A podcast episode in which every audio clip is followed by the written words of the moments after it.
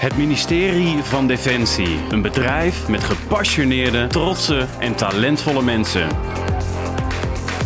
In deze podcast verbinden wij deze mensen zodat ze samen sterker worden. Zoek Samen Sterker podcast en luister of kijk via YouTube, Gpal, iTunes, Spotify of Soundcloud. Welkom uh, in mijn huis, uh, Kees. Jeetje, wat een, uh, wat een prachtige omgeving. Echt hè, we zitten ja. hier um, Huizen Bronbeek, ja. museum. Echt, jij was hier ook nog nooit geweest. Nee, ik ben in Bronbeek geweest, in Kompeland geweest. Een aanbeveling voor heel veel mensen om daar een keer te gaan eten. Maar hier was ik nog nooit geweest, nee. In het huis van de gouverneur, volgens mij, heet het ja. hier. Hè? Ja. Ja. ja en de commandant. De commandant. En de commandant woont hier ook grotendeels, ja. hè? Ja. Dat ja. verbaasde mij eigenlijk. Wauw, hier gewoon, hierboven, dit, is dan, dit zijn een aantal ruimtes van vroeger. Hè? Die zijn ook echt helemaal zo ingericht. En dan boven hier is privévertrek en dat Ja. is dan van de commandant. Ja. Ja, ja, toch wel een ander gevoel als je hier binnenloopt. Hè? ja, zeker. Ja. Nee, het is, je, je komt hier een stukje kolonialiteit binnen. Echt uh, ook een bijzondere tijd. Ja. Ja. Maar nu, Maar podcast. nu zit ik op een, trouwens, ik zit op een werkvlek Op een in werk- Utrecht. Oké, dat is iets Maar even het anders. verschil aan ja. ja. Ja, dus ja, contrast. Ja, contrast. Contrast. Ja, ja, ja. En over contrast gaan we het ook hebben. Ehm, Deze ja, oud-corporaal, doorgegroeid in de organisatie, zit nu met een generaal aan tafel. Heel erg leuk om, eh, ja, dat je in ieder geval inging op het verzoek. ja. Ehm, eh, directeur HR van, eh, ik zeg HR heel bewust. Heel goed. Heel goed, heel Ja. goed. Want ik heb gehoord dat jij je aantekenblok veranderd hebt van PNO naar HR. Ja. Ehm, generaal Kees de Rijken. Nogmaals welkom. Ja, dankjewel. Ehm, Leuk om, te, om hier te zijn. Heel graag gedaan. Ehm, waarom zit jij hier? We hebben het er al in het voorgesprek een beetje over gehad. Eh, ik hoor heel veel van jou in de media. Ook eh, binnen het adaptieve netwerk, hè, waar eh, ik dan eh, gehuisvest ben op het moment. ehm, transitieteam Adaptieve Krijgsmacht. Hoor ik heel veel positieve geluiden over jou. Ehm, ik denk, en dat is vanuit mijn mening als podcaster, als Danny. ehm, ik zie eigenlijk heel weinig generaals zo in die open als jou. Eh, ik heb jou eh, één of twee keer even kort mogen spreken. Ook een keer een heel kort interviewtje op het HR-festival van eh, kwaliteit en innovatie van Dosco.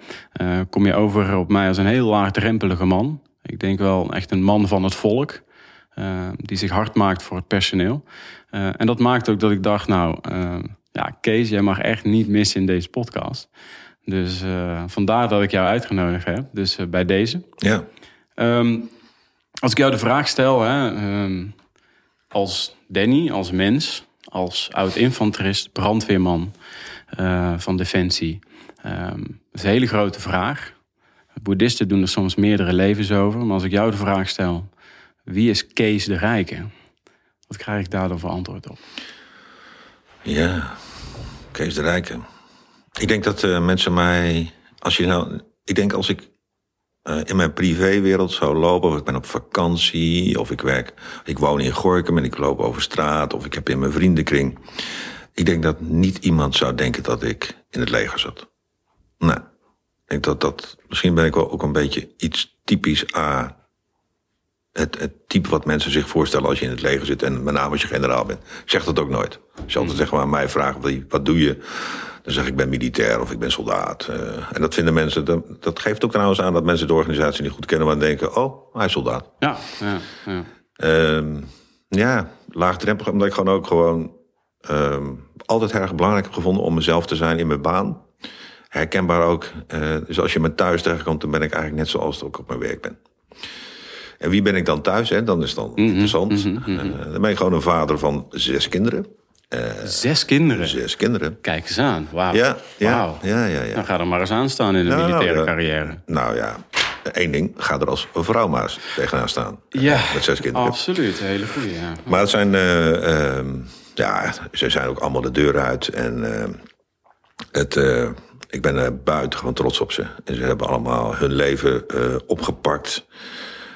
Eh, het zijn allemaal jongens die gewoon, en meiden, die eh, ja, gewoon knokken in het leven om iets te bereiken. En ik merk gewoon dat vanuit die rol van het vader zijn, of in dit geval ook stiefvader zijn, maar dat betekent eigenlijk dat je gewoon uh, heel erg hun levens gaat faciliteren. Dus ik ben eigenlijk wel iemand die geleerd heeft in het leven, in mijn privé, dat je uh, niet dingen hoeft te organiseren, maar meer moet faciliteren. Mm -hmm. Want zoals zij leven, uh, dat is echt anders dan wat ik opgevoed ben. Maar uh, ja, zij willen zich gewoon graag ontwikkelen. En ik zie dat dat de richting die ze opgaan, een beetje duwtje naar links, duwtje naar rechts. Ja. Dus, nou ja, mooi. Dus dat, dat, dat, een beetje dat vaderlijke, dat, dat is ook wel een beetje in mij. Dat, dat, ik ben oorspronkelijk, uh, dat zul je niet geloven, maar ik kom uit het onderwijs. Ik, uh, voordat ik het leger in ging, mm. heb ik de Pedagogische Academie gedaan.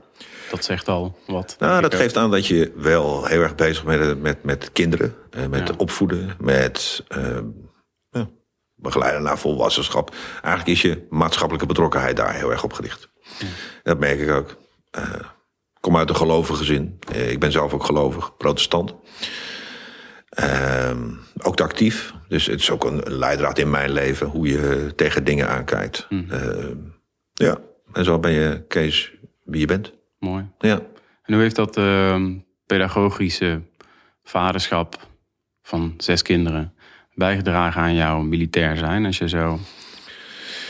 Ja, ik denk dat het... Uh, ik denk dat, het gewoon, dat, dat ik het gewoon heel erg belangrijk vind om uh, wat ik, nou, laat ik het anders zeggen. Ik, ik heb vroeger echt een hele fijne opvoeding gehad.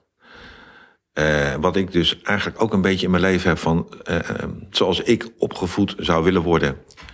Of, en er zijn ook dingen die anders gingen in die tijdgeest als, als nu... zou ik ook graag mijn eigen kinderen opvoeden. En dat geldt ook een beetje voor mijn motto in het leger.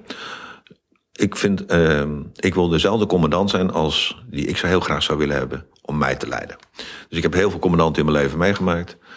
En er waren uh, betere en wat, uh, uh, wat mindere commandanten bij. Maar juist die betere commandanten en de manier waarop ik heel graag wil worden geleid, de ruimte die ik wil hebben, de vrijheid die ik wil hebben om dingen te doen, die wil ik eigenlijk ook geven naar beneden toe. En als ik dat nou bereik, dan heb ik volgens mij een soort levensmotto. Dat, dat ja. ja. Ik ben ook een beetje ondernemer. Ja. Dingen doen die net even anders gaan. Ja, ik, ik, moet gelijk denken ook aan het onbeschreven blad. Hè? Dus als kind zijn word je heel snel geconformeerd vanaf een bepaald... Uh, kun je van alles meer over vertellen dan mij waarschijnlijk. Maar dan stap je het systeem in en dan gebeuren er allerlei dingen. En dan wordt er veel van je verwacht. En eigenlijk als ik jou zo hoor, laat mensen gewoon weer eventjes... Dat is misschien te groot gezegd, kind zijn. Laat ze gewoon, um, geef ze vrijheid. Probeer ze te laten ondernemen, wat je ja. zelf ook al zegt. Is dat ook wat jij uh, daarmee probeert te zeggen? Ik, eigenlijk wil ik. Het is meer dat laatste kind zijn is wat. wat ik voor mij beschouw ze meer als iemand die uh, zich uh, op een andere manier wil ontwikkelen als jij. En dat is in het begin wel moeilijk. Dat je denkt van. Voor mij moet ik een beetje het voorbeeld geven. Mm -hmm. Maar je gewoon dat zo tot oplossingen komen die. Uh, en ideeën komen waarvan ik denk: jeetje, wat. ik, zo slim, dat ik zo slim was. Dus ik ook zie je in mijn eigen directie zie ik gewoon ideeën ontstaan. En denk van ja, weet je, die had ik echt nooit kunnen verzinnen. Kijk naar mijn grijze haren, dat is ook klaar hè. Dus, uh, nou. Nee, nee, maar ik bedoel, maar het is, je bent ook niet met degene die. Je, ik moet me ook niet zelf inbeelden dat ik denk hoe jonge mensen denken. Uh, ik kan wel naar ze luisteren en zeggen van hé, hey, ik, ik weet je wat, ga vooral die kant, ga die kant op en laat mij het dan voor je faciliteren. Uh, ja, ik las laatst, gisteravond zat ik een stukje te lezen en, en daar stond uh, iets in van uh, als je nou een nieuw, uh, als je nou een besluit wil nemen ergens over, leg dat nou eerst eens voor aan heel veel jonge mensen. En dan pas aan je eigen adviseurs. En, en dat idee, dus die volgorde. Mm. Dat is een beetje ook wel wat ik denk dat ik ook wel doe. Gaaf. -huh. Nou, dat vind ik wel, ja. En niet dat jonge, oudere mensen geen goed idee hebben. Hè? Mm -hmm. Vaak hebben die wel een stukje realisme. En die zeggen van ja, dat, maar we moeten oppassen dat we niet zeggen... ja, dat heb ik ook al gedaan vroeger en het werkte niet. Ja. Vond ik zelf natuurlijk ook gewoon niet leuk als ik dat hoorde. Dat ik weer een idee had dat iemand tegen me zei... ja, goed idee, uh, Kees, een goede reden de rijken. Mm -hmm. Maar dat gaan we niet doen. Precies, ja. ja. Nou, en dat was het goede idee. Jammer, einde. En dat was klaar. Ja, ja, ja. ja. ja. ja. ik ben zelf heel erg eh, fan van de term, uh, niet van de term... van het uitvoeren van uh, reversed mentorship... binnen het talentmanagement. Hè? Dus dat kan je vast wel. Ja. Dat, uh, dat je inderdaad uh, de, de wat jongere generaties, natuurlijk ook mensen die hartstikke jong van geest zijn, uh, bepaalde vrijheid geeft. Maar dat de oudere generatie ook die vrijheid faciliteert, wat je zelf Ja. al zegt. Ja. Dus ik denk dat jij gewoon, gewoon aan reverse mentor, mentorship doet, uh, puur Ja, misschien wel, ja. ja. Hè? En dat je dan wel als wat oudere generatie zegt, maar ik wil jou toch behoeden voor die valkuilen. Ja. Daar ben ik ooit ingestapt, maar ik ga jou begeleiden. Uh, in ieder geval door die valkuil heen, want soms is die weg ook belangrijk. Ja. Of er omheen. Uh, maar dan gaan we elkaar gaan we in ieder geval een beetje helpen daarin. Ja. Dat is ook wat ik je wel een beetje hoor. Nou, en, en wat ik ook belangrijk vind, is dat je dat elke leider uh, en, en opleider binnen, binnen de landmacht, eigenlijk binnen Defensie, dat motto voor ogen houdt. Hè, van luister, geef nou leiding of leid nou mensen op zoals je zelf opgeleid zou willen worden. Uh, en, en, en als dat nou zo'n motto van iedereen wordt, hè, denk ik dat de wereld al een stukje uh, innoveert. Want ik geloof echt dat het. Uh, dat we dan ook een aantrekkelijke werkgever worden. Ja. Ik merk gewoon toch nog heel veel in onze organisatie dat we blijkbaar dingen doen die niet, uh, ook in de opleiding, ja, dat we nog niet echt dat voor ogen hebben. Nou, dus les 1, wat mij betreft, Mooi. Ga dat, pak dat nou zo eens op. Het is voor mij een leidraad geweest en elke dag is dat nog steeds een leidraad. Ja. Ja. Alle mensen om ons heen zijn spiegeltjes van onszelf ook, hè? Daarin. Ja, misschien. Ja, ja, het spiegelen. Ik weet niet of dat echt een spiegel moet zijn, maar. Wat je wel moet aan. Wat je, kijk, ik denk, ik denk dat iedereen in de organisatie gewoon uh, niet morgens zijn bed uitkomt van. laat ik eens even uh, dingen doen die gewoon niemand leuk vindt. Uh, nee, en dan ga ik nou eens even leiding geven omdat ik gewoon een shitdag heb. En die ga het gewoon eens even verpesten. Dus Ja. dat is niet zo. Niemand doet dat. Ja. Maar het mooie is natuurlijk wel dat je, dat je zegt van nou weet je, ik kom mijn pet uit omdat ik zie dat mensen het gewoon heel erg leuk vinden hoe ik leiding geef. Uh, en uh, ik krijg ook feedback erop. Ik vraag ook feedback erop. En ik krijg ook te horen van, nou, dat snap ik echt helemaal niet waarom je dat nou doet. Ik dacht dat je geluisterd had. Ja. Ik denk, oh, yes. Moet ik nog even uitleggen waarom ik het dan toch niet doe. Ik bedoel, Ja. niet alles kan. Maar je moet wel even uitleggen waarom het dan niet kan. ja. Dus uh, communicatie en zo is ook wel een dingetje. Want waar kom jij nou s ochtends uh, in deze tijd je bed vooruit? Wat is jouw zingeving op dit moment? Waar je echt van blij van wordt, van gaat kwispelen? Nou, ik vind echt dat... Uh, ik, kom, ik zit in een organisatie en ik, ik geef toe dat ik in het verleden... ook wel eens momenten heb gehad dat ik denk van... jeetje, ik ga gewoon iets anders doen. Ik, uh, ik kom niet verder. Ik kom nog uit die tijd dat je niet... Ja, het lijkt nou mooi, ik ben generaal geworden. Het is ook prachtige rang, hè. Ik zit een prachtige stek. Uh, maar ik heb ook momenten gehad, denk van, nou ja, ik kom niet verder. Het duurt te lang. Ik heb een academische achtergrond. Kom op, hé. Hoe lang moet ik nou duren voordat ik een keer in de top ben? En dan ga je solliciteren naar buiten. En wat houdt me nou elke dag tegen? En tot dag van vandaag, dat is de kameraadschap. De sfeer, het teamwerk, de mensen. Stop. Ja, je kan het niet vergelijken. Nee. En mensen komen er elke dag voor terug. Ja. Maar als je dat, dat hou ik elke dag, daar kom ik mijn bed voor uit. Gewoon, ik vind het leuk om met mensen om te gaan. En ik merk gewoon dat dat wederzijds is. Maar moet je het wel zelf geven. Ja. Dus Ja. ja, mooi. mooi. Ja, we hadden het er inderdaad hiervoor ook al even over. Dat is wat ik zelf ook... Zelfs, ik werk nog binnen de organisatie. Maar ik heb het pak wel uitgedaan.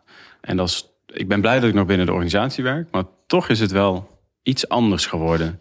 Want die eerste club waar ik mee op uitzending ging in 2006 naar Afghanistan. Voor het eerst met die mannen, ja, dat vergeet je nooit Nee. meer. Dat is ook wel die eerste, dat is wel een dingetje natuurlijk, denk ik. Hè? De eerste keer dat je dan... Tuurlijk. maakt heel veel impact Ja. op een bepaald... Ik was 21 of zo. ja, Ja, dat vergeet je natuurlijk nooit meer. Maar die kameraadschap, in ieder geval van die club van toen... dat is wat mij... eh, dat is waardoor ik weet wat kameraadschap is. Dus wat dat betreft eh, heel herkenbaar. Ja. ja, ja. Ehm, ja, je hebt het eigenlijk wel een klein beetje gezegd. Ehm, als jij jouw talenten zou moeten omschrijven... want ehm, er zijn dus heel veel mensen die, eh, zeker binnen het adaptieve netwerk... eh, we hadden het er net al even over, heel erg over jou te spreken zijn. Welke talenten van hetgene wat je net allemaal beschrijft... waar je vandaan komt in je leven... welke talenten zet je zowel in... eh, waardoor je beweging creëert? Want dat, doe je. Dat doe je bij mensen. Ja, ik denk dat dat heel erg te maken heeft. Ik weet niet of talenten zijn, maar ik, wat in me beschouw het dan misschien als een talent, maar ik ben wel heel erg ondernemend. Ik vind alles nooit vanzelfsprekend. Soms denk ik wel eens van, stel je voor dat je mij nou in het bedrijfsleven had gezet. En stel dat ik carrière had gemaakt in het bedrijfsleven. Had ik dan hetzelfde bereikt als ik nu bereikt heb. Hè? Want in het bedrijfsleven, als je niet ondernemend bent, dan ga je failliet. Ja. Als je een bedrijf hebt, of dat je een positie hebt, of je komt niet verder. Ik kom uit een ondernemersfamilie. Mijn hele familie zit in het bedrijfsleven. En uh, ik merk gewoon dat. En ik herken dat ook wel uit mezelf. Dat ik gewoon wel heel erg ben van: oké, uh, iedereen denkt dat het zo moet gaan. Maar we lopen ergens tegenaan. Zullen we het gewoon anders doen? Zullen we het uh, anders oplossen? Dat heeft ook. Zo heb ik ook operationeel mijn taak uitgevoerd als commandant in, van de gevechtseenheden in Afghanistan. Ja ook daar wilde ik gewoon het gevecht anders gaan voeren. Met, uh, met de Taliban, zeg maar. Ja. Maar gewoon de. En, en dat. De, ik ben niet zo van de. Van de, van de pijlentrekkerij in de huidige de doctrines. Ik ben echt van, oké, okay, blijkbaar hebben we dat al uitgevonden. Dat ja. dit op, op, op papier staat. Ja. Zullen we het dan maar gewoon anders doen? Ja. Want dit herkennen we allemaal. We gaan uh, links omtrekken, recht omtrekken, of we gaan er doorheen. Of... Blijkbaar hebben we dat op papier gezet. Mm-hmm. En dus is dat wat mij betreft het succes om niet te winnen. Ja. Of de, de sleutel om niet te winnen. Dus we moeten het anders doen. Ik, ik zit wel een beetje in die um, continu uh, kijken of het, of het beter en anders kan. Dat zit in mijn genen.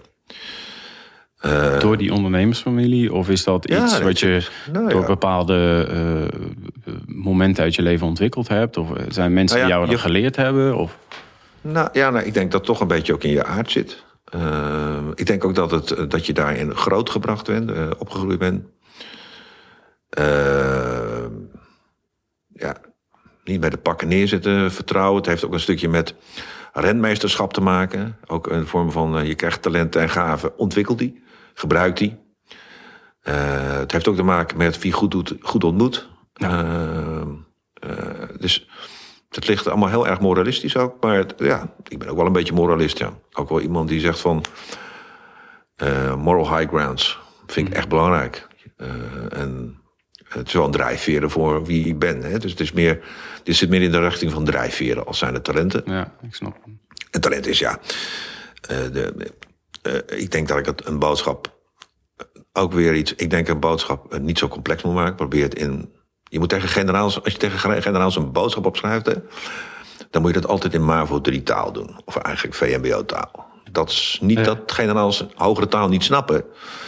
Maar die hebben gewoon geen tijd om te lezen. Dus als je een boodschap schrijft, dan gewoon vier zinnen in MAVO 3 taal. Dan snap ik het. Dan heb ja. ik er tijd voor. En dan, dus ik vind het ook belangrijk om hele complexe, uh, defensiebrede boodschappen... in hele simpele, normale taal neer te zetten. Dat vind ik ook een uitdaging. Ja.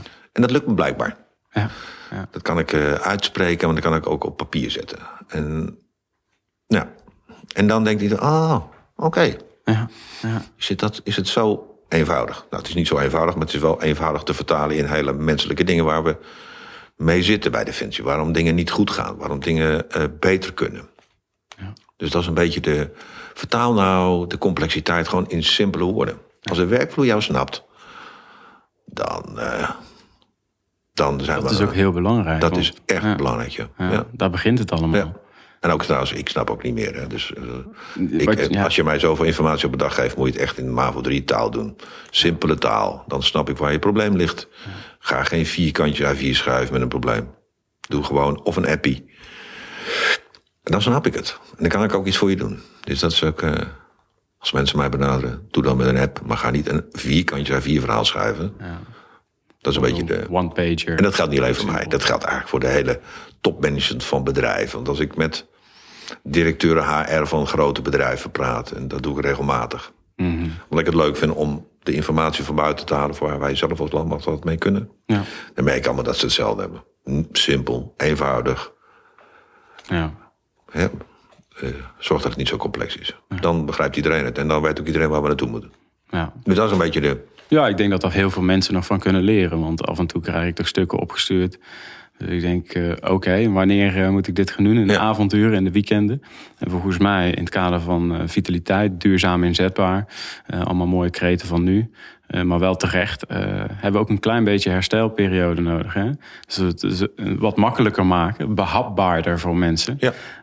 In ieder geval wat jij nu aangeeft, dan kan dat echt wel een goede bijdrage zijn, ook voor de rest van het bedrijf.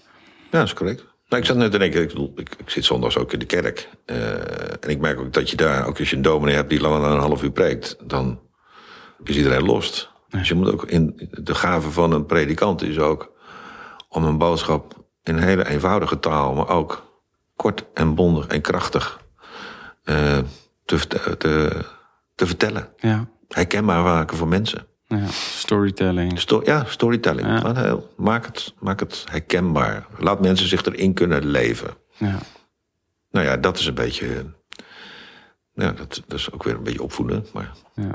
Volgens mij draagt dat ook heel erg bij. Hè? En um, um, dat jij uh, in de kerk komt, met geloof bezig bent. Ik denk ook dat dat maakt dat jij um, een bepaalde kalmte over je hebt. Omdat je ook heel bewust een stukje zelfreflectie, wat je denk ik ook uh, met bidden. En ik neem aan dan is even de aanname dat je ook bidt. Absoluut. Uh, dat is natuurlijk, ik mediteer, maar dat is natuurlijk niet heel anders. Uh, nee. je, je, zoekt een momentje van zelfreflectie op.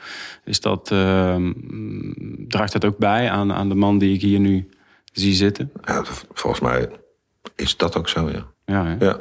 ja mooi is dat. Ja, nee, dat, absoluut is dat wie je bent. Hè? Dit maakt voor wie Kees. Want jij vroeg van, hè? wie ben je eigenlijk? Ja. Wat drijft je? Nou, Ja. dat, is, dat, drijft, dat drijft mij, onder andere. Waar ben jij als je naar jouw carrière kijkt? Ik heb even gekeken. Je bent commandant geweest van, uh, van het 45 Pans Panzerinfanteriebataljon. Ja. Uh, je hebt verschillende uh, functies binnen de HR bekleed.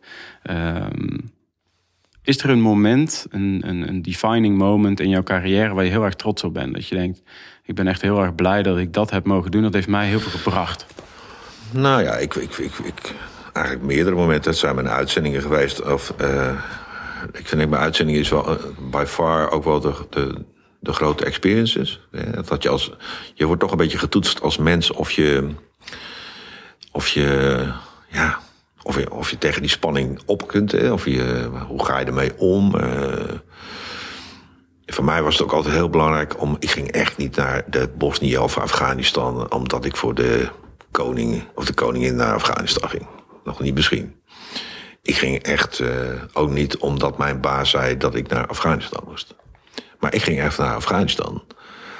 Omdat wij gewoon met z'n allen naar Afghanistan gingen omdat mijn maatje met, met mijn adjudanten meeging. Omdat mijn, mijn, mijn staf meeging. Maar ook omdat er gewoon 580 mensen meegingen. We gingen met z'n allen. Ja, toch weer dat familie. Ja, ja dat zit toch. Dat, dat, ja. Voor mij is dat echt super belangrijk. Ja. Waar het, uh, ja, die, die, die samenhorigheid. Uh, uh, en, en, en, met de missie. Maar ook bij het oprichten van een bataljon. Ook prachtig om te doen. Dan komt ondernemerschap naar boven. Ja.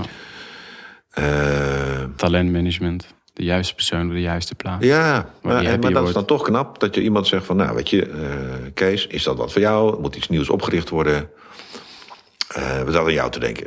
Nou, dat had ik al een eerder gedaan, iets oprichten. Want ja. ik had al eerder een paar compieën opgericht. En dat vind ik ook leuk. Ja. Dat gaat ook op een manier dat niemand het zo had kunnen plannen. Maar hij staat naar... Hè, uh, in 2006 of 2005 kreeg ik de sleutel van een gebouw. En uh, met niemand, echt alleen, ik was de eerste die een bataljon moest richten. En ik moest alles zelf bij elkaar halen. En dan ga je, uh, krijg je toestemming om een. Ik zeg, ik wil het best doen, maar dan wil ik alle ruimte hebben. Ik had toen een brigadecommandant die zegt van... Ja, weet je, het mag, het mag zo gek zijn... maar jij zorgt ervoor dat er over twee jaar hier een vol bataljon staat. Ja. In een tijd dat we nog steeds aan het bezuinigen waren. De markt niet makkelijk was. En toen hebben we gewoon echt dingen gedaan. We zijn echt, we hebben kennismakersdagen gehad. We hebben, ik had Randstad met de keuringscentra op de kazerne. Van die grote trucks die...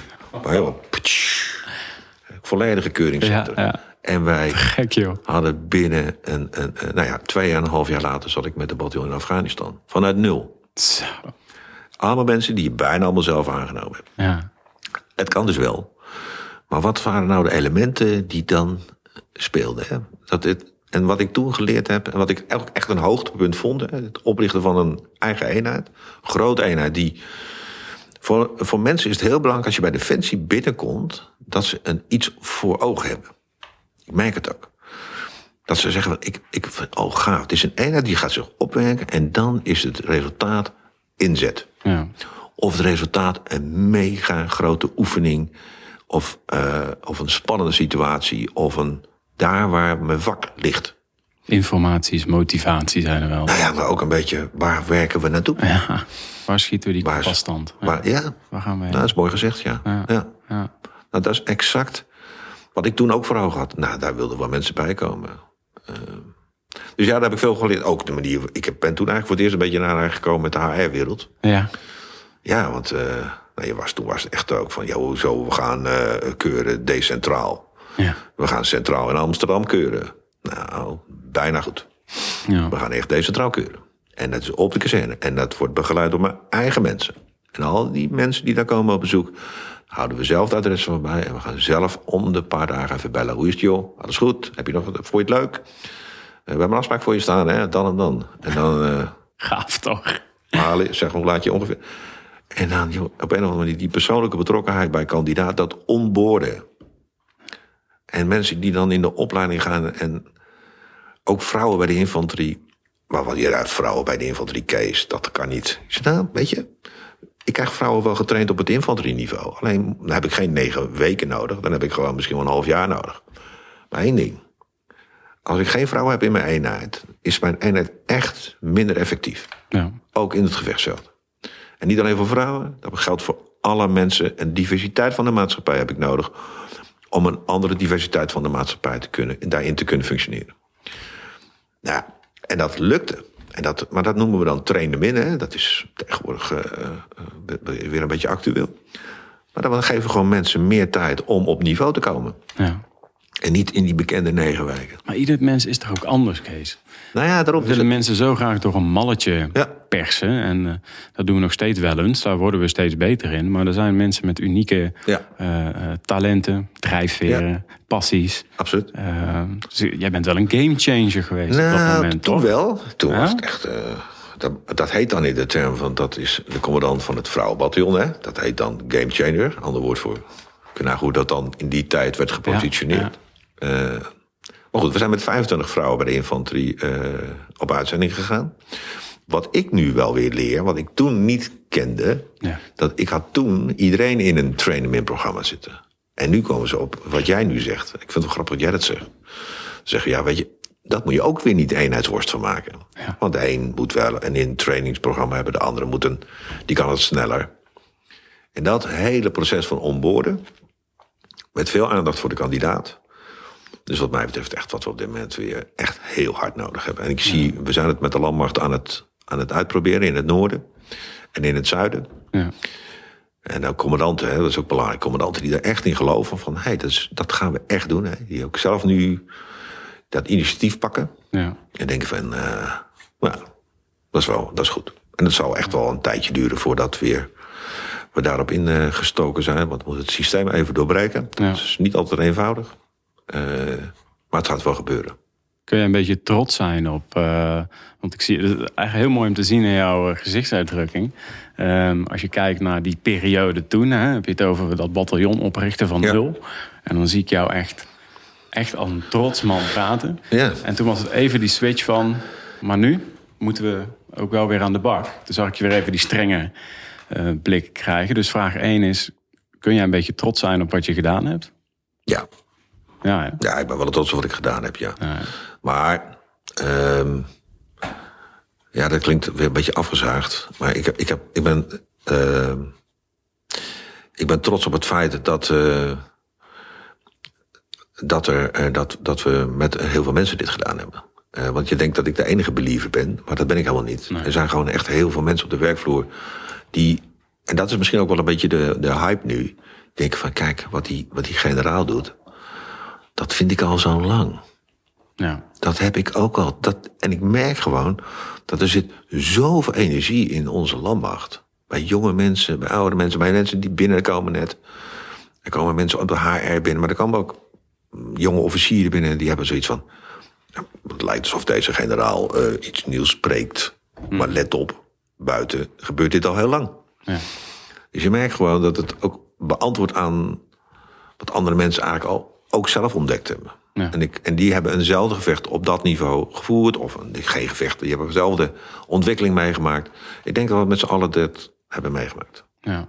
Het grote voordeel is dat ik het zelf een beetje heb. Dat is dat ik zowel de HR als de, als de werkvloer ken. Hè, dus ik, ik, ik heb heel lang in de operationele wereld gezeten. Ja. Tot negen jaar geleden. Tot bataljonscommandant, de, de grote missies gedraaid als commandant.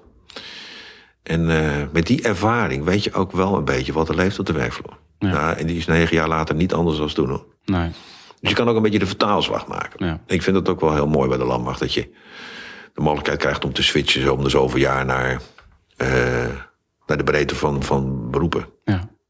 Ja, ik vind, dat, ik vind dat heel goed. En ehm, eh, mensen zitten zo in elkaar dat ze op een gegeven moment weer naar een ander, een ander verlangen krijgen. Ja, Zo werkt de mens een beetje. En wat dat betreft speelt eh, klas daar eh, het klas heel goed op in, wat mij betreft. Ehm, dat je gewoon getriggerd wordt. op, op, dat je weer nieuwe baantjes in je brein aanlegt. Dat je innovatief, creatief blijft daardoor. Hè, door die productiviteit Ja. ook. Dus ik vind, dat, eh, ik vind dat heel mooi. Ik vind het heel mooi dat klas. We hadden het net over die trots, hè? dat je nou, hartstikke mooie dingen gedaan. Ehm, jij zegt, ik heb heel lang in die operationele wereld gezeten, dus ik kan de vertaalslag goed maken naar HR. Ehm, ik heb gevraagd waar je trots op bent. Zijn er ook dingen waar je van geleerd hebt, waar je ehm, op terugkijkt, dat je denkt, hè, het leven bestaat ook uit lijden. Dat heb ik meegenomen en daar, eh, daar pluk, pluk ik, maar ook de mensen om mij heen nu ook eh, zijn vruchten van. Je bedoelt wat, wat, wat, wat meer erva- ervaring. Ja, weet je, eh, in de, binnen Defensie heb je natuurlijk. Ik, ik, ik praat heel met trots over uitzendingen, maar mijn eerste uitzending, eh, ja, die vond ik, die was heftig. Eh, mijn eerste uitzending heeft mij, toen in die tijd heb ik in gijzeling gezeten in Bosnië.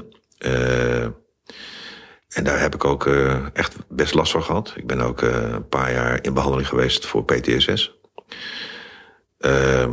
Dus ik begrijp ook wel dat je, dat je aan de schaduwkant van missies, begrijp ik. Ik, eh, ik ben ook heel dankbaar. Ik neem bewust het woord dankbaar, hè, dat ik daar weer goed uitgekomen ben. Ik heb echt een, nou, ik geloof wel meer dan drie jaar therapie gehad. Eh, en ik ben blijven werken. Dus ook dat is, zou mijn, eh, als je dan toch zo'n dip in je leven meemaakt, zorg dat je bij die familie aangehaakt blijft. Ook al is het maar één dag in de week. Blijf, blijf aangehaakt op je werk als je moeilijke dingen in je leven, en burn-outs en zo. Ja, ik, bij burn-out is weer wat anders. Ik heb er geen verstand van. Maar ik merk gewoon dat hoe belangrijk ik het toen vond om aangehaakt te blijven bij mijn werk. Ja.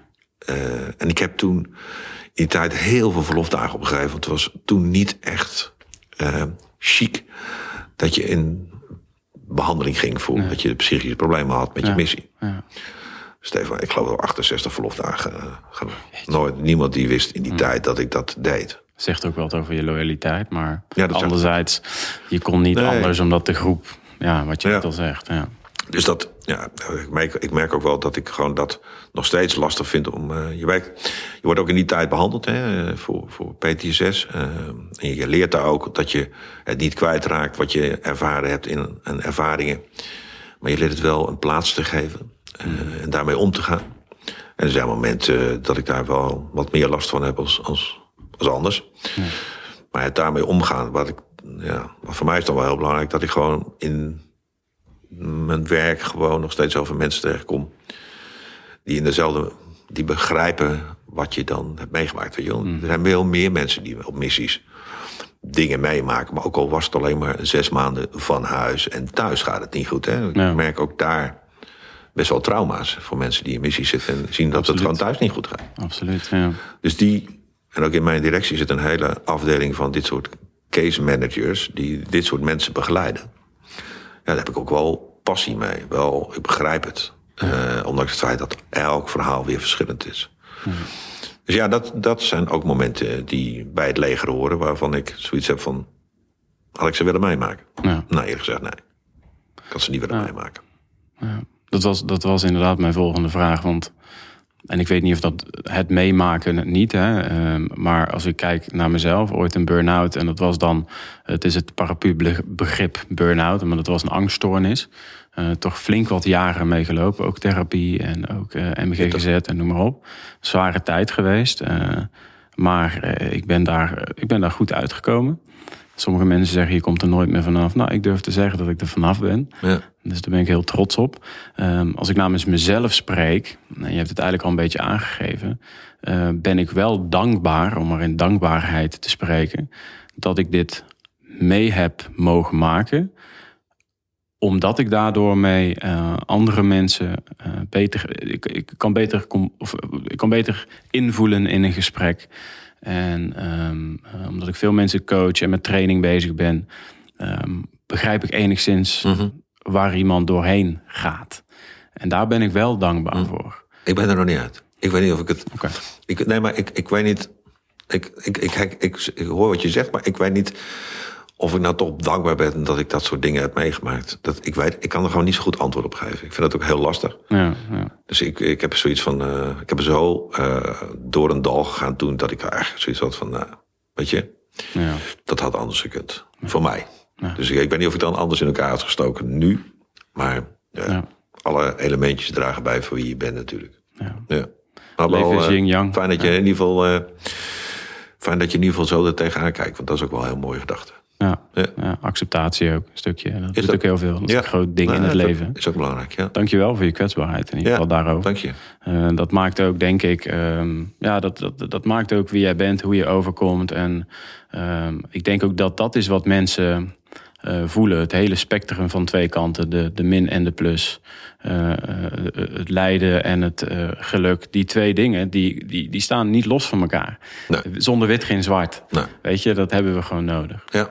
Uh, daarop inhakend, uh, uh, Kees, um, je hebt best wel een zware taak op dit moment, denk ik. Ik denk wel een van de zwaarste van de Nederlandse krijgsmacht.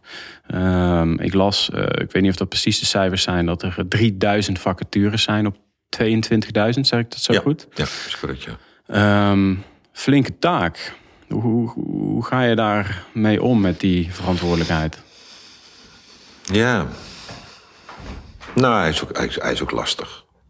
Het is ook een beetje dat, als je nou net hoort hoe ik in elkaar zit, dat ik, dat ik juist onze organisatie zo'n warm hart toedraag. Dat ik zie hoe mensen die bij ons werken het naar hun zin hebben, maar op een of andere manier toch teleurgesteld zijn of, op een of andere manier toch iets missen.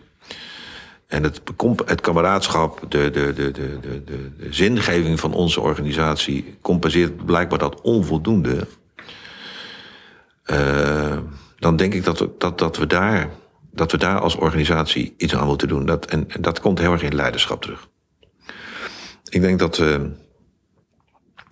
dat onze, mijn, mijn grootste uitdaging, en niet alleen die van mij, maar name van commandant krachten, dat is dat hij eigenlijk, en hij noemt het ook heel mooi, hè, want ik ben daar echt een, een, een fan van die uitspraken.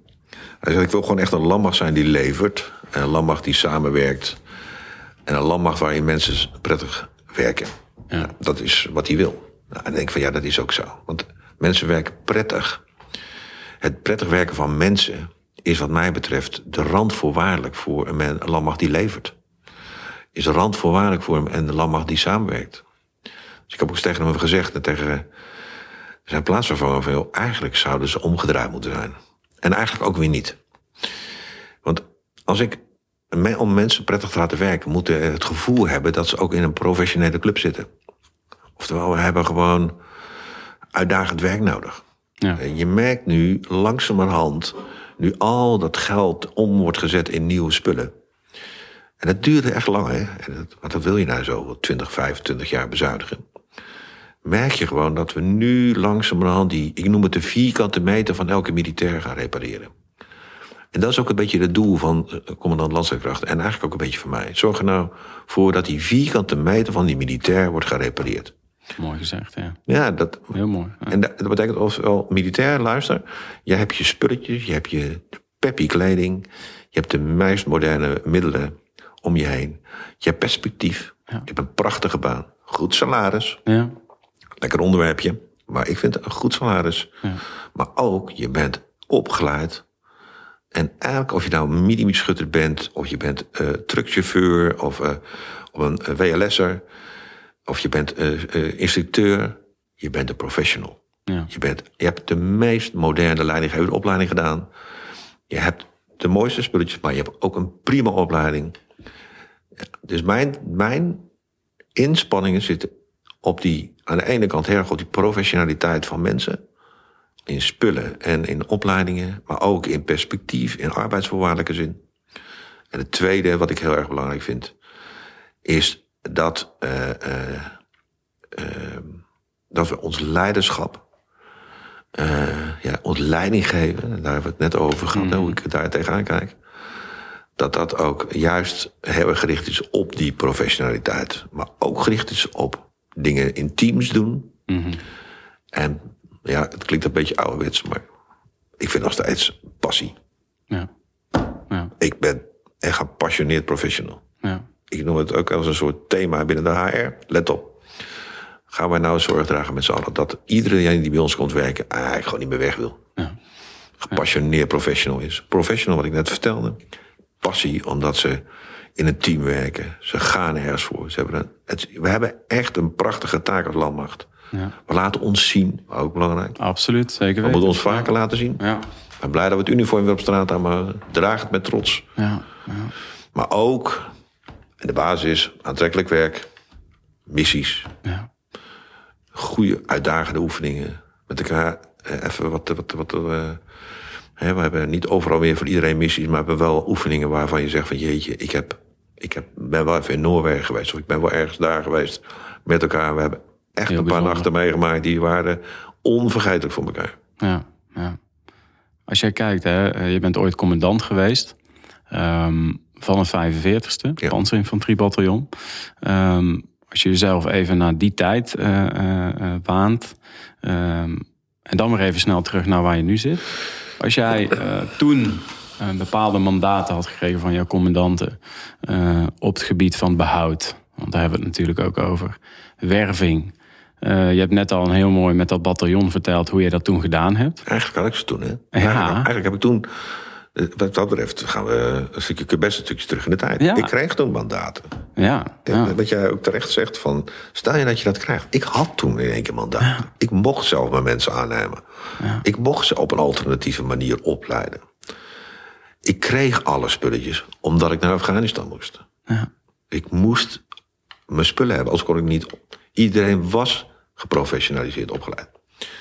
Mijn bataljon, ik moest kiezen. Ga ik iedereen opleiden voor het grote oorlogconflict... of ga ik ze voor, Bosnië opleiden, of voor- voor Afghanistan opleiden? ja. Afghanistan. Ja. Sorry jongens, ik heb geen tijd om mensen nu in de grote verdedigingen te opleiden of de aanval. Ja, de laagvlakte. Ja, dat was Dat gaat niet. Nee, nee. Dus ik heb al die opleidingen aan de kant geschoven en ik kreeg toestemming. Ik kreeg toestemming, ik kreeg het mandaat Ja, om keuzes te maken. Ik kreeg daarvoor schietbanen ter beschikking. Ik kreeg daarvoor opleidingstijd ter beschikking. Ja. dan heb je... Dat is over een droomwereld. Ja, die, dat is wel mijn wereld waar ik denk van... ik gun eigenlijk iedereen dat. En ik gun dan ook iemand aan het eind van de rit ook een missie. Of een, of een prachtige, grootschalige operatie of oefening. En die hebben we ook. En jij gunt dat mensen. En eh, ik heb nu een paar interviews van je teruggelezen. Ehm, employee branding, eh, talentmanagement gaat het over. Eh, vanuit adaptieve krijgsmacht natuurlijk ook samenwerken met de maatschappij, ehm et cetera. Als jij nu, ehm, eh, je hebt die visie. Hoe gaan we die visie klein maken zodat die op de werkvloer Ja. landt? Hoe, waar, gaan we, waar gaan we beginnen? Er gebeurt al veel. Maar hoe ga jij daar eh, invloed op uitoefenen? Nou, ik denk dat het- dat, dat, dat manier van, hè, dan gaan we terug naar dat leiderschap. Ik denk eh, dat wij eh, al die mandaten die ik nu heb, of die nog hoger liggen, dat die mandaten dichter bij commandanten weer teruggaan. En dat is nu wat we aan het doen zijn. Hè. Je hoort misschien wel wat geruchten over het nieuwe HR-model. Ja, absoluut. Ja. Nou, dat nieuwe HR-model dat is eigenlijk eh, gebaseerd op een aantal uitgangspunten. En dat is met name gericht op... geef nou mandaten weer terug op een niveau... waar echt besluitvorming kan worden genomen. Leg mandaat, eh, mandaat, maar ook zorg ervoor dat iedereen individueel maatwerk krijgt. Dus zorg ervoor voor talentmanagement. Zorg dat je mensen langer binnenhoudt. Maar geef heel veel bevoegdheden en verantwoordelijkheden dichter bij de werkvloer. Nee. En uh, volgens mij is dat de richting die we opgaan. Ja. En ik moet je zeggen, dat spreekt me heel erg aan. Ja. En ik vind dat heel erg mooi. Ik, ik, heb ook nog heel veel mandaten niet. Hè? Dus iedereen denkt dat de directeur personeel of de HR van de landmacht uh, mandaten overal heeft. En ook, ik heb een aantal mandaten niet die bij de HDP liggen. Of op, in Den Haag, zeg maar. Ja. Of uh, met de vakcentrales moeten worden afgestemd. En ik denk ook terecht, want ik ben een groot fan van vakcentrales. Omdat ik vind dat vakcentrales ook werkelijk uh, ons scherp houden op datgene wat we daadwerkelijk doen. Ja. ja. Ik zou alleen vaker met ze in gesprek willen. Maar dat is wat. Uh, ja, want ook dat mandaat wil ik. Nee, maar dat mandaat wil ik ook graag hebben. Ik wil ook graag met ze aan tafel om dingen uit te kunnen leggen. Of van. Uh, al met elkaar zeg maar aan de voorkant te zeggen: oké, jongens, dit zijn we van plan, die beweging gaan we maken. Mm -hmm. Centrales, let op, waar moet ik op letten? Ja. En ik ben echt van mening dat we. Uh, nou ja, ik, ik voel dan ook echt dat dat, dat, dat, dat we naar heel veel dingen sneller gaan. Ja. Ja, want als jij kijkt, je haalt net talentmanagement aan. En uh, er, zijn, er zijn mensen die. Uh, perspectief is heel belangrijk, zeker voor nieuwe generaties. Gaf je net al aan. Uh, ik las ook in een van die stukken, en dat beaam ik helemaal, dat, dat er steeds jongere CEO's zijn. Dus waarom zouden er ook niet jongere generaals kunnen zijn? Ehm, er zijn nou eenmaal mensen die heel hard doorschakelen. Klopt. Die cognitief zo bij zijn. Uh, ik gaf het voorbeeldje al aan dat ik zelf ooit met een pre-master aan de OU bezig was. En ik was nog corporaal. En niemand begreep dat. Dus in, in mijn eigen club zeiden ze... Nou, ja, uh, zo is het echt gegaan. Uh, ja, jij bent geen brandweerman in hart en nieren. Jij gaat toch door straks. Yeah. Dus je valt al een klein beetje af in je eigen club. Um, maar er was ook niet echt een manier om naar de KMA te gaan in die tijd. Uiteindelijk kreeg ik dat gelukkig wel. Toen had ik het besluit al genomen om het pak uit te doen. Um, die functie was ook leuker, dus dat was heel simpel. Ja. Um, maar er zijn mensen die schakelen harder door. Die kunnen misschien wel twee of drie niveaus overslaan. Maar toch zijn er nog het assessment, de hoepeltjes. Eerst die functies gedraaid hebben. Hoe sta je daar tegenover? Hoe, hoe moeten we daarmee omgaan? Ja, misschien een verrassend, maar ik denk dat wij ook niet iedereen binnen kunnen houden. Ik denk dat je de hele snelle schakelaars, uh, die kun je wel meer. Uh, een mooi, mooi voorbeeld is nu bij mijn eigen directie. Ik geloof dat ik gewoon vier of vijf in mijn eigen directie, HR van de Landmacht, zitten nu vijf jonge kompiescommandanten. Net kompiescommandant geweest.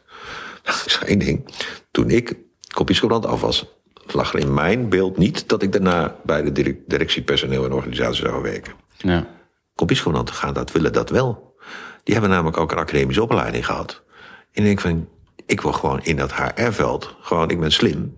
Ik wil gewoon daar ervaring op doen. Ja. Dus je merkt gewoon dat mensen, toen ik kompiescommandant was, wilde ik daarna gewoon binnen het bataljon kapitein operatie worden. Ja. Wilde ik gewoon nog operationele functies hebben. Ik had toen helemaal niet het idee wat er buiten die wereld om was. Maar deze, deze jongelui, die hebben dat wel. Die weten dat. En die hebben vaak een uh, alumni van de universiteit die gewoon al op hele hoge posities zitten. Dus ja. Dus die willen gewoon in die wereld van kennisontwikkeling meegaan. Dus dat kan wat mij betreft deels binnen onze organisatie. Mm -hmm. Dat kan naast je eigen baan. Dat ja. vergeten we ook vaak. Hè? Ik, uh, ik had laatst een kapitein die zei van... Ja, ik zit op mijn baan en dat is gewoon niks van mij. En ik wil gewoon meer met mijn kennis en ervaring doen. Ik, ik heb gewoon... Dit doe ik met twee vingers in mijn neus. Ik zeg maar, wat let je dan... Ja om af en toe bij mij te komen. Of in mijn uh, jonge, ik heb een aantal jonge kapiteins en majoors die gewoon in een soort community zitten met elkaar een denktank zijn om uh, zeg maar verbetering op leiderschap toe te passen. Ga, sluit je daarmee aan. Ja. Ga daar van mij het voorzitter van worden. Ga in avonden daarmee aan de slag en ontwikkel je dit. Het is niet meer de wereld van één baan. Mm -hmm.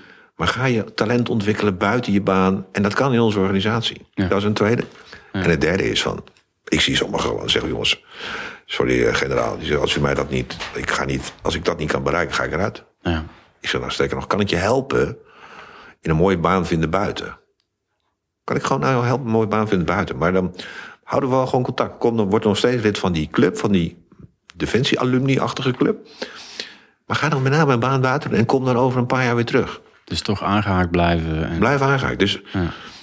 Uh, en, en, dus we, halen, we kunnen het niet allemaal weer faciliteren. Als je ze zo hoog opgeleid binnen de KMA brengt, dan gaan mensen na een jaar of vijf, zes, zeven voor de intellectuele uitdaging naar buiten toe. En dat hoeft niet, want je kan best in onze organisatie blijven.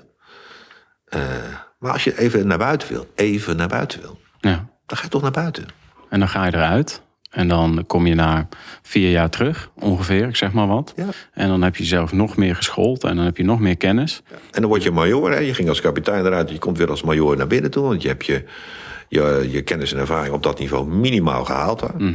En dan moeten wij als organisatie iets hebben van... nou, eh gaat er niet waar wezen dat hij als kapitein eruit is gegaan... en is een major weer terug. Ja, dat is dus wel zo. Ja. Want hè, dus, eh, ja, en hij heeft een aantal ervaringen gemist. Maar hij heeft wel meer competentie op bepaalde gebieden Ja. opgedaan. Dus, dus we moeten als organisatie er ook aan wennen. Hè. We willen allemaal maatwerk. Allemaal. Noem eens... We hadden het van tevoren even Ja, over. ja, ja, ja. Noem nou eens iemand die geen maatwerk wil. Maar ze willen allemaal maatwerk voor zichzelf. Mensen, mensen, voelen zich uniek. Mensen voor zich uniek. En dat begrijp ik. Ja, ja. En denk, neem van mij aan, iedereen krijgt maatwerk. Maar ook maatwerk is mensen tijdelijk naar buiten zitten en weer terughalen. Ja, Dat is gewoon de defensieorganisatie van de toekomst. ja. En het kan ook, en het kan ook makkelijker. Want een belangrijk element daarin was vroeger altijd eh, pensioenen. We hadden een eindloonstelsel. Dus de pensioenen kreeg je dan uitbetaald aan het eind van je eh, carrière. En aan het eind krijg je ook het laatste salaris. Wat je toen had, kreeg je omgezet in pensioen. Nou, dat is niet meer zo. Nee. Dat betekent dat je ook heel makkelijk er even een paar maanden of een paar jaar uit kan en weer terug kan komen. ja, dat maakt dan niet meer heel Dat maakt dan Nee. nee, niet zoveel meer uit. Dus veel makkelijker. Ja. Dus ja, ik zie ook wel dat daar, eh, daar gaan we ook. eh, is die employee journey, zoals het heet, Ja. employee experience, kan je niet allemaal meer volgen binnen Defensie. Je kunt er heel eind komen, je kunt het ernaast doen. Maar het is helemaal niet erg om af en toe ook zo even naar buiten te gaan. En dat geldt trouwens niet alleen voor officieren. Nee. Het geldt ook voor soldaten. Ja, ja, Geldt ook voor sergeanten. ja. Even in een grondbedrijf werken als je bij de, bij de genie zat. Even bij een architectenbureau. En daarna weer lekker terugkomen bij ons. Is het het rangen- en standensysteem, denk ik me nu. Het rangen- en standensysteem wat al heel lang staat. En dat heeft natuurlijk ehm, ehm, ehm, heel veel meerwaarde ook in sommige eh, gevallen. Maar ik denk ook dat het ons, het systeem wat wij gecreëerd hebben om ons heen, dat dat op sociaal innovatief vlak mensen ook ehm, ehm, in hun ontwikkeling eh, tegenhoudt af en toe. Dus is het rangen- en standensysteem, is misschien een gevoelig punt, misschien niet, geen idee. Ik gooi me zo binnen. Ehm, is dat nog wel van deze tijd eigenlijk? Want je zegt net dan, is iemand als kapitein weggegaan? Misschien zelfs wel als luitenant. Komt terug, heeft misschien twee masters gedaan, heeft echt op een topniveau. Waarom kan die dan niet gewoon als overste verder in een bepaalde functie? Maar waarom kan die niet als kapitein of voor mij bij sergeant verder? Alleen krijgt hij wel betaald. Als die bekende overste. Dat zou ook kunnen. Ja, maar dat- Ja, dat is is wel een goeie. Ja, ja. Snap je? Dus eh, eh, ik denk dat het rangenstelsel eh, echt heel belangrijk is voor onze primaire taakstelling. Dat is gewoon Ja. het. we moeten oppassen dat we niet een bedrijf worden. We zijn echt een organisatie. waarbij mensen hun levens wagen en in de, in de waagschaal zitten, maar ook daadwerkelijk gevechtsbereid moeten zijn. Dat is wel waar we met z'n allen voor staan. En dat vind ik echt heel belangrijk. Om het gevecht goed te kunnen voeren, zul je eh, eh, eh, opdrachten moeten geven. Niet meer op de oude kadaverdiscipline, maar veel meer in de opdrachtgerichte commandovoeringen. Maar we hebben wel rangen en, standen nodig, ook aan te sluiten op internationale contexten. Maar de vraag is natuurlijk: van, kunnen wij niet gewoon binnen de rangen en standen dusdanige schaalgrootte gaan krijgen dat mensen die hoger opgeleid zijn ook gewoon of langer ervaring hebben in die rangen, Ja, wat meer gewoon een hoger salaris krijgen. ja. En dat zijn, dat zijn echt de thema's die nu op tafel liggen. Daar praten we nu echt over. Ook op het hogere dek. En nou, daar heb ik ook wel vertrouwen in dat we daar, eh, dat we daar ook iets in moeten. Eh, maar ik heb ook wel vertrouwen in dat we daar mm, stappen in gaan maken. ja, ja. Ja. Dus je zegt leiderschap aan de ene kant, mensen perspectief kunnen bieden, ehm, duidelijk maken eh, dat wij een hartstikke mooie werkgever zijn. Hè? Dus ja. een stuk zingeving. Ja. Ehm, je hoort ook verhalen over bijvoorbeeld ehm, inhuren vanaf het buitenland. Net zoals dat de Amerikanen doen met een green card. eh, en dat je dan de nationaliteit krijgt. Ehm, brengt denk ik ook veel voordelen met zich mee. Eh, Ja. Zeker uit landen waar je uiteindelijk misschien naartoe gaat. Dat je netwerk daar eh, goed is, dat je een taal spreekt. Hoe, hoe staan wij er als Nederland eh, tegenover? Hoe staan, wat is jouw persoonlijke mening daarover? Ja, laten we even, dat is altijd heel erg. Uh, dat zijn ook inderdaad onderwerpen waar ik een persoonlijke mening heb. En uh, waar, waarin we als Defensie ook gewoon best wel een standpunt in hebben. Of als maatschappij. Hè. Voorlopig is het dat nog niet mogelijk. Hè. Dat is ook het standpunt. Dat we wel aan het verkennen zijn of het mogelijk is. maar het is nog niet mogelijk om mensen van buiten, zeg maar, niet-Nederlanders aan te nemen op, op veiligheidsfuncties binnen ons veiligheidsdomein. Ik denk dat we daar ook gewoon heel zorgvuldig mee om moeten gaan. De vraag is of het nodig is. Ik, ik ben heel erg gezegd van mij dat we uh, in staat zijn, zowel als, nou, het even op de landmacht houden, maar mm -hmm. mag voor heel Defensie. Wij zijn echt in staat om onze organisatie te vullen. Met onze mensen die Nederland, het Nederlanderschap hebben. Mogen best, sterker nog, liefst ook heel veel mensen met een buitenlandse afkomst. Ik ben groot voorstander van diversiteit ja. en inclusief leiderschap. Uh, het zijn hele mooie, dure termen waarvan ik eigenlijk zeg van hoe, hoe diverser je club is, hoe sterker ik vind dat we zeg maar, uh, als organisatie kunnen opereren. Ja. Uh, en dan niet alleen in vredesituaties, ook in het oude, het grote conflict. Ja. want dan begrijp je ook de maatschappij waarin je je taak moet doen, begrijp je beter. Ehm, maar, maar echt mensen van buitenlandse afkomst of mensen met, die nu buitenlander zijn en in onze krijgsmacht komen. Nou, ik, ik, zou dat, ik vind dat nu nog te vroeg. Ja. ja. Dat is mijn persoonlijke mening trouwens. Ja, nee, nee. Ja. Um, los daarvan, um, natuurlijk nu, uh, ik kom van adaptieve krijgsmacht, hè, transitieteam adaptieve krijgsmacht. Um, jij bent bezig met innovatie ook binnen, binnen klas. Hoe, hoe zie jij de relatie tussen HR binnen HR-innovatie binnen de klas. En wat er moet gebeuren eh, op P-gebied en adaptieve krijgsmacht. Hoe kan dat elkaar uh, versterken? Nou, volgens mij is dat, uh, volgens mij is dat uh, heel erg aan elkaar verbonden. Ik zei al van, we, moeten, we moeten echt naar een, trouwens heb ik niet gezegd, maar ik bedoel daarmee, ik, we moeten naar een open personeelsysteem toe. Ja. Uh, maar dat betekent dus dat je inderdaad stappen naar buiten kunt maken, naar binnen kan maken. Mm -hmm. Ik denk dat we voor heel veel functies die wij nu hebben, uh, dat we uh, ervaring belangrijker vinden als competentie. En ik deel die mening niet. Ik denk echt dat je mensen naar binnen kan halen op een militaire baan, in hogere rangen, zonder dat ze de hele ervaringsopbouw hebben aan de voorkant. Ja. Gevaarlijke uitspraak, dat weet ik. Maar ik ben echt van mening dat dat kan. Uh, dat geldt niet alleen voor ons. Ik zie het om me heen ook heel erg gebeuren. In, uh, bij de politie. Ik zie het bij uh, niet-overheidsorganisaties, specialistische bureaus, leidinggevende. Die Waarom zou het niet kunnen? Dat vind ik dan een interessant. gewoon, nou ja, ik ben, ik, ik ben wel van mening dat als je oorlog voert, moet je wel weten. en je geeft mensen opdrachten om vooruit te gaan. Mm -hmm dat je wel moet weten, wat, dan moet je wel de leiding ook een beetje ervaring hebben. Wat dat betekent als je vooruit een opdracht krijgt om vooruit te gaan. Ja. Uh, dus ik ben, dus het is voor mij niet, uh, het is voor mij niet helemaal uh, niet nodig, ervaring. Maar dan praten we ook echt over combat functies. maar er zijn natuurlijk heel veel, als je mensen in de recruitment hebt werken. En we hebben er al wat mensen in de recruitment werken. Ja, ja. En dan is er maar de vraag of je daar dan als telefoniste of je dan een militair moet zijn. Ja. Dan kunnen we ook gewoon niemand van buiten halen. Ja. Of de brandweerman, de vrachtwagenchauffeur. Ja. Um, nou ja, dat is, precies. Dus daar zijn het best wel heel veel. En dan heb je vaak, de, de, dan krijg je, en dan kom je op jouw wereld terecht, wat je zegt, de adaptieve wereld. Waarvan ik het wel belangrijk vind dat je de militaire status hebt. Dus de, de reservist. Ik ben een groot voorstander van de status reservist. Ja. Ik vind het een prachtig concept en ik vind het trouwens onwijs geënthousiasmeerde mensen die daar werken. Ja. Weet je hoe gaaf het is om met reservisten te werken? Ja. Dat is echt, die hebben een drive. Ja. Die wij af en toe eens een beetje missen. Omdat ze gewoon, die merken gewoon, die hebben dat. Ik mag er even bij en voor de familie werken, weet je wel. Nou, dat vind ik geweldig. Ja, dat is echt uh, hobby. Moeten we ook heel zuinig op zijn, hè? Het is lastig, hè, want die, zijn die, die is heel erg aan het groeien, die, die, die gemeenschap. En dat is, dat, daar moet geld tegenover staan. We moeten, ik vind ook beheerst groeien in reservisten. Mm -hmm. uh, het ging een beetje te snel in het begin. Iedereen die wilde wel een klus doen bij ons, maar we moeten wel een beetje gestuurd, uh, moeten wel op sturen. Ik merk het ook wel. Maar ja, daarnaast is het natuurlijk wel echt een, een, een, een vorm van adaptiviteit. Die, wat mij betreft, als het eerste zo, ligt zo voor ons. Hè. Kunnen, ja. zo, kunnen we zo oppakken. Ja. En dan heb je natuurlijk nog uh, outsourcen, insourcen projecten. En moeten we echt dingen nu zelf doen? Hè? Ja. Zijn het nou echt taken die wij nog als de landmacht, als defensie moeten willen? Of zijn het nou echt zaken van we zeggen, nou weet je, we moeten er wel regie op blijven voeren, we moeten de kennis behouden, maar de uitvoering kunnen we ja. wegzetten ergens anders. Ja, want je zegt, dit kunnen we als eerste doen. Hè? Uh, als we het hebben over prioriteren.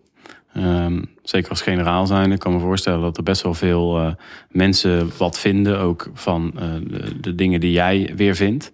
Hoe ga je daarmee om? Als je op een gegeven moment een prioriteit, je zegt hier gaan we mee om, maar heel de wereld om jou heen, die, uh, die zegt, die heeft allerlei goede ideeën. Hoe, pak je dat dan op? Nou ja, dat is ook een kwestie van, van, van toets op haalbaarheid.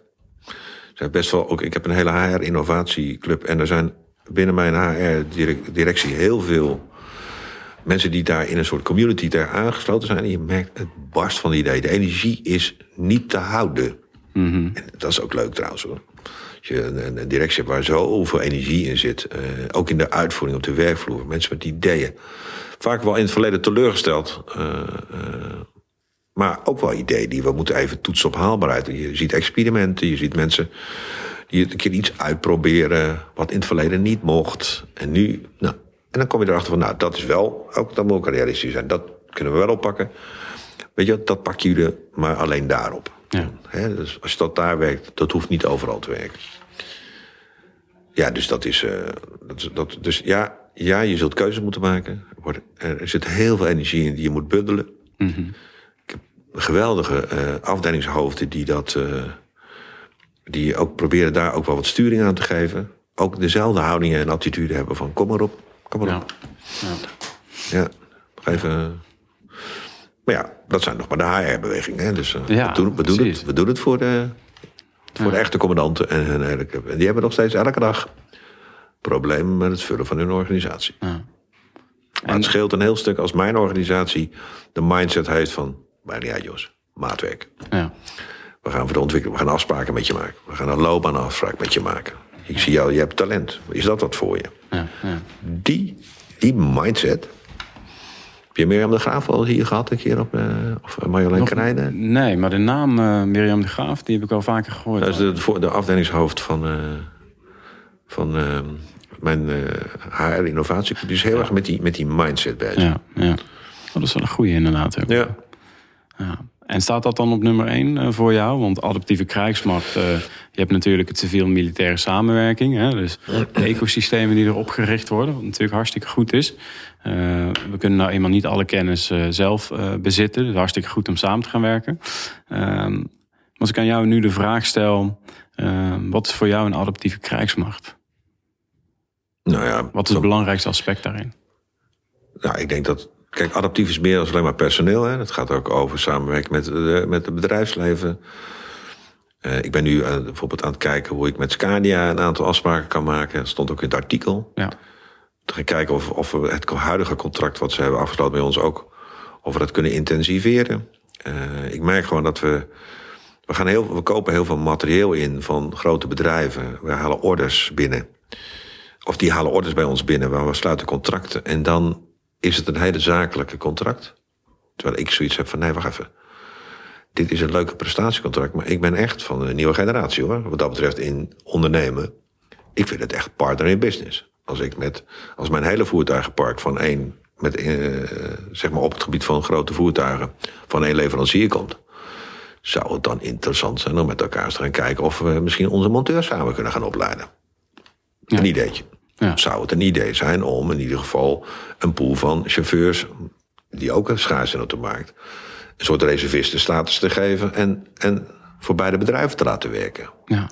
Nou, dat soort initiatieven, daar ben ik, daar is een afdeling bij mij in de directie heel erg mee bezig. En dat vind ik ook, dat zijn voorbeelden van adaptiviteit.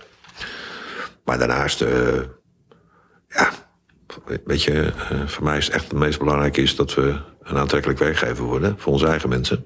Dat is het allerbelangrijkste. Nou, dat is echt familie. Ja, nou ja, maar we, we zijn op, op een gegeven moment ook niet die vierkante meter ja. van elke militair die we moeten repareren, die moet gerepareerd worden. Ja. De, de, de aantrekkelijkheid van onze organisatie naar onze eigen werknemers toe.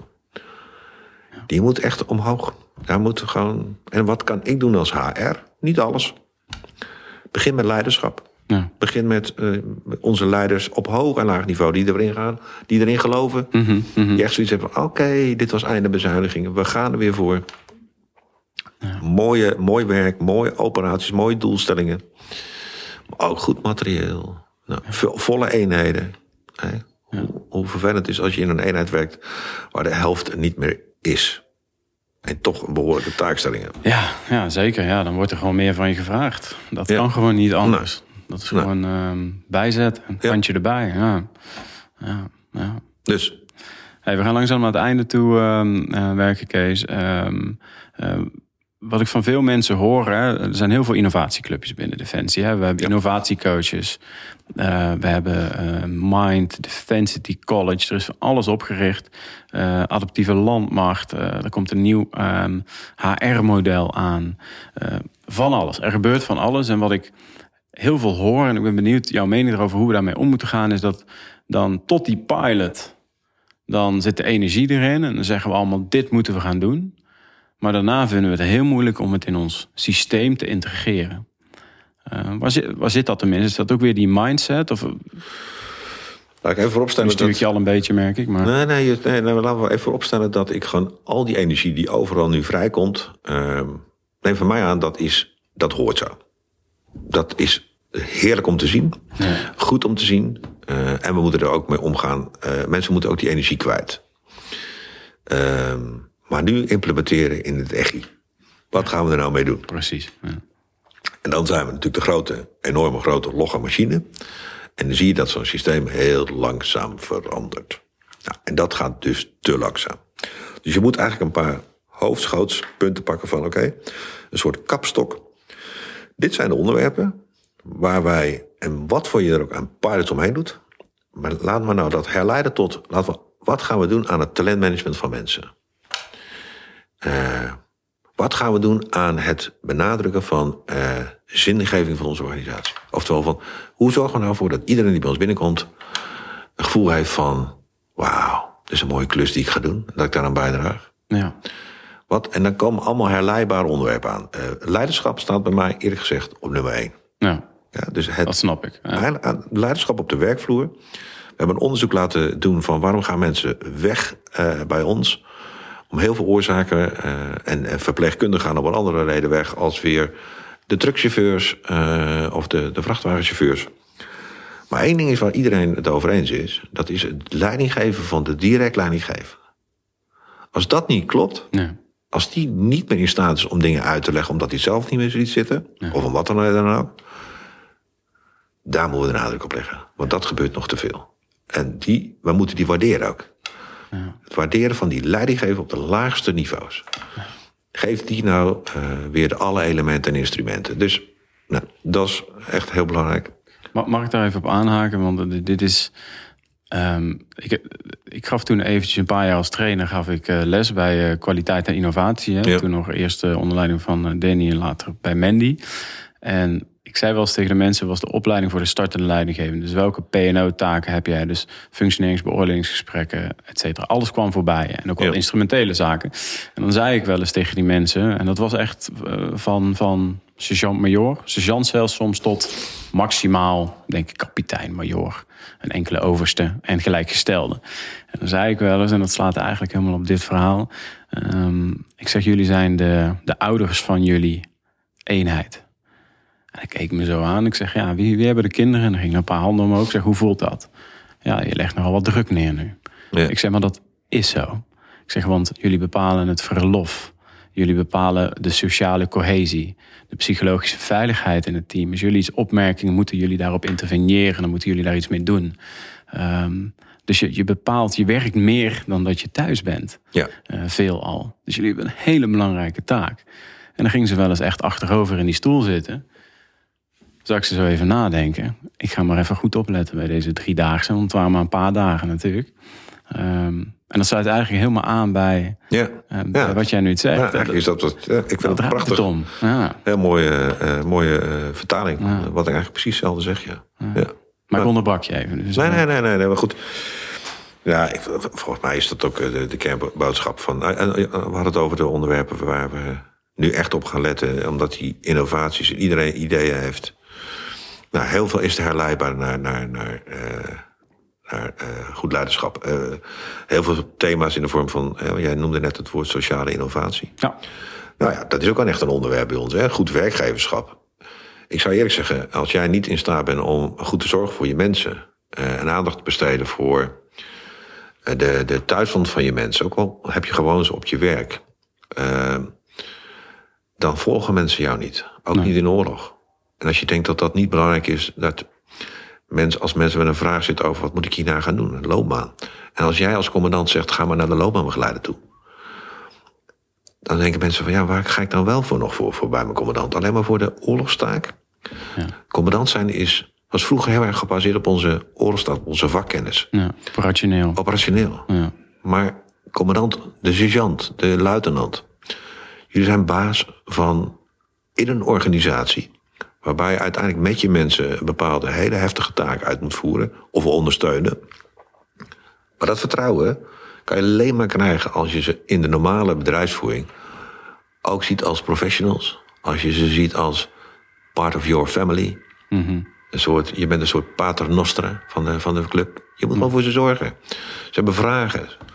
Ik hoorde laatst iemand die zei van... ik ga naar, ik ga naar, uh, naar mijn vrouw toe. Die heeft een... Uh, Even, mijn vrouw die heeft net een ongeluk gehad met een kind op de fiets. Die is aangereden.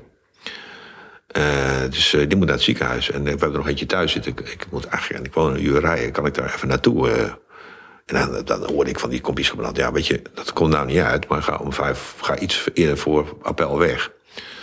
Ik zie je morgenochtend. Nou, mm -hmm. Wacht even, wacht even. Jongens, dat, dat was niet de familie die ik kende. Wij hadden zoiets van, als het donderdagmiddag is, jongen, het is drie uur. wat doe je hier nog? Had mij even een, een mailtje gestuurd. Ja. Of, uh, maar ik ben blij dat je het even zegt. Maar ga.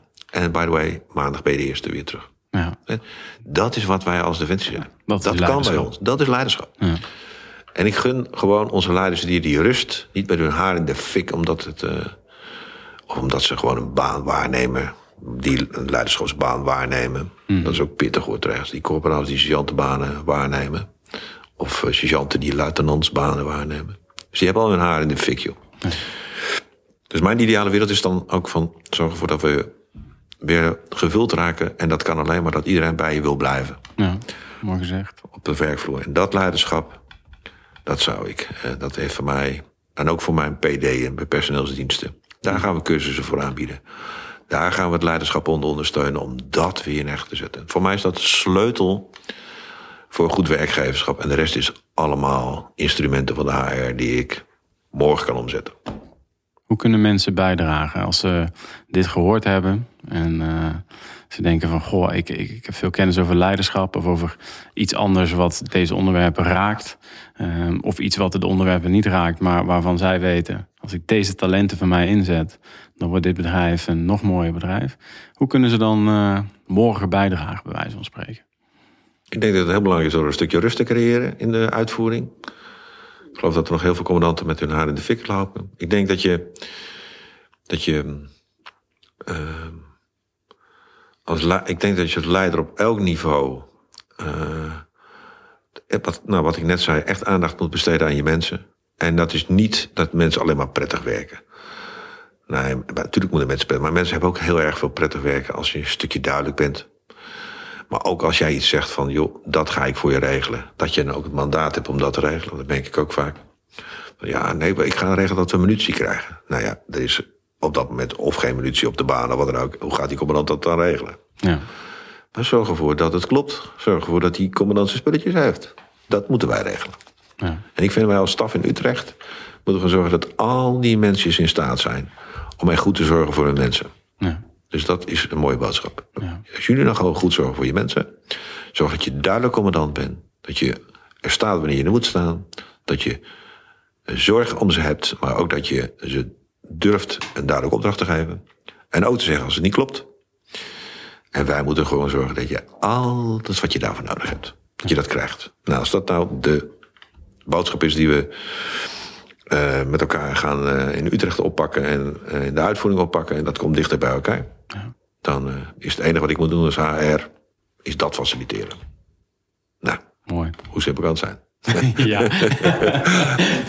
nee, nee, maar goed, dat is wel mijn drijf. Ja. En dat, ik vind dat moet ook de drijf van een HR-professional zijn. Maar het begint allemaal bij verhalen. En we moeten erover nadenken. Um, en, en, en als een verhaal op een gegeven moment aankomt bij mensen, inspireert mensen daarmee. En die, die, die massa die begint dan uh, op gang te komen. Uh, ik denk dat we daar uh, een heel mooi verhaal over verteld ja. hebben op deze manier, Kees. Ja. En als laatste vraag, um, twee kleine vraagjes. jij zit um, tegen het einde van je carrière. Je bent natuurlijk nog hartstikke jong, maar volgens mij, je bent 8, 59. 59. Wanneer ga je er uh, ongeveer uit? Ik, ik, ik, heb deze baan tot uh, eind volgend jaar, oktober volgend jaar. Dat is, uh, en het kan zijn dat ik er nog een jaar, maar dan ga ik er, dan is nu gepland, gepland dat ik er nu uit ga. Okay. Dus dat is vooralsnog. Maar jij gaat vast niet achter de geranie. Nee, nee, nee, nee, nee, nee. Wat gaat er nog gebeuren? Wat gaan we van jou horen? Nou, dat, dat weet ik niet. Maar laat ik zo zeggen dat ik. Uh, ik heb wel wat wensen. Ik, ik, ik, ik zou ook heel graag uh, in, uh, dingen gaan doen in het vrijwilligerswerk. Uh, het hoeft niet allemaal betaald te zijn. Het is natuurlijk een beetje ook kerkelijk werk. daar schreeuwen ze natuurlijk, want overal schreeuwen ze mensen. Mm -hmm. Maar ook, ja, in de, in de, ik ben nu toch een beetje de expert op HR-gebied. in, de, zeg maar in, de, in, het, in de top van de landmacht, misschien wel van Defensie. Dus daar waar ik altijd kan adviseren en bijdragen tot de, de ja, dat we dit zeg maar blijven oppakken. Want een, een organisatie veranderen is nooit. Dat is een nadeel van dit proces. Er is nooit een eind aan. Ja. Ik kan het dus heel. En ik hoop het alsjeblieft. Iemand zei tegen mij van generaal, als u zo zich opstelt, dan zitten we over een paar jaar helemaal vol als landmacht. Dan gaat iedereen maar door. En dan, uh, dan, dan zijn we. Dan hebben we, zijn we verstopt. Dan zitten we helemaal verstopt en vol. Nou, dat is een mooi perspectief, toch? Toen zei ik van, waar kan ik tekenen? Ja. Laat mij vertel maar waar ik kan tekenen. Ja, ja. En het kan goed zijn dat over een jaar of negen weer... En iemand zei, er was ooit eens vroeger een generaal de Rijken... die zei van, uh, uh, openstellen, open organisatie. Mm -hmm. Maar we hebben nou een uh, enorm overschot aan mensen. We moeten gaan bezuinigen en we gaan weer... Weet je, ja. succes.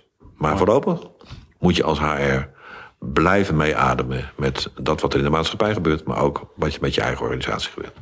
Dus ja, dus hoor je nog van mij hierna. Ik weet niet of je nog wat van mij hoort. Want waar de energie hele goede opvolgers. Waar de energie. Nou, dat is. Ja, waar de energie ja. mij brengt. Zo begon je trouwens ook ons gesprek met ja, ja, mooi. Mooi, hè? die onthoud ik. Ja. Kees de Rijke, noem je naam even volledig. Dankjewel. Ik vond het een prachtig uh, verhaal, lekker kalm. Uh, je bent een mooi mens, je bent een open, kwetsbaar mens. Die door zijn kwetsbaarheid, uh, water is hard, water is zacht, zeg ik wel eens. Hè. Uh, heel, veel kan, heel veel kan bereiken, denk ik. Heel veel voor de organisatie kan betekenen. je bent een man, een familieman. dat heb ik een paar keer horen zeggen. leiderschap hebben we het over gehad. Ehm, ja, ik vond het prachtig. Dankjewel. Dankjewel voor het interview. Merci. Zoek Samen Sterker podcast en luister of kijk via YouTube, Gpal, iTunes, Spotify of Soundcloud.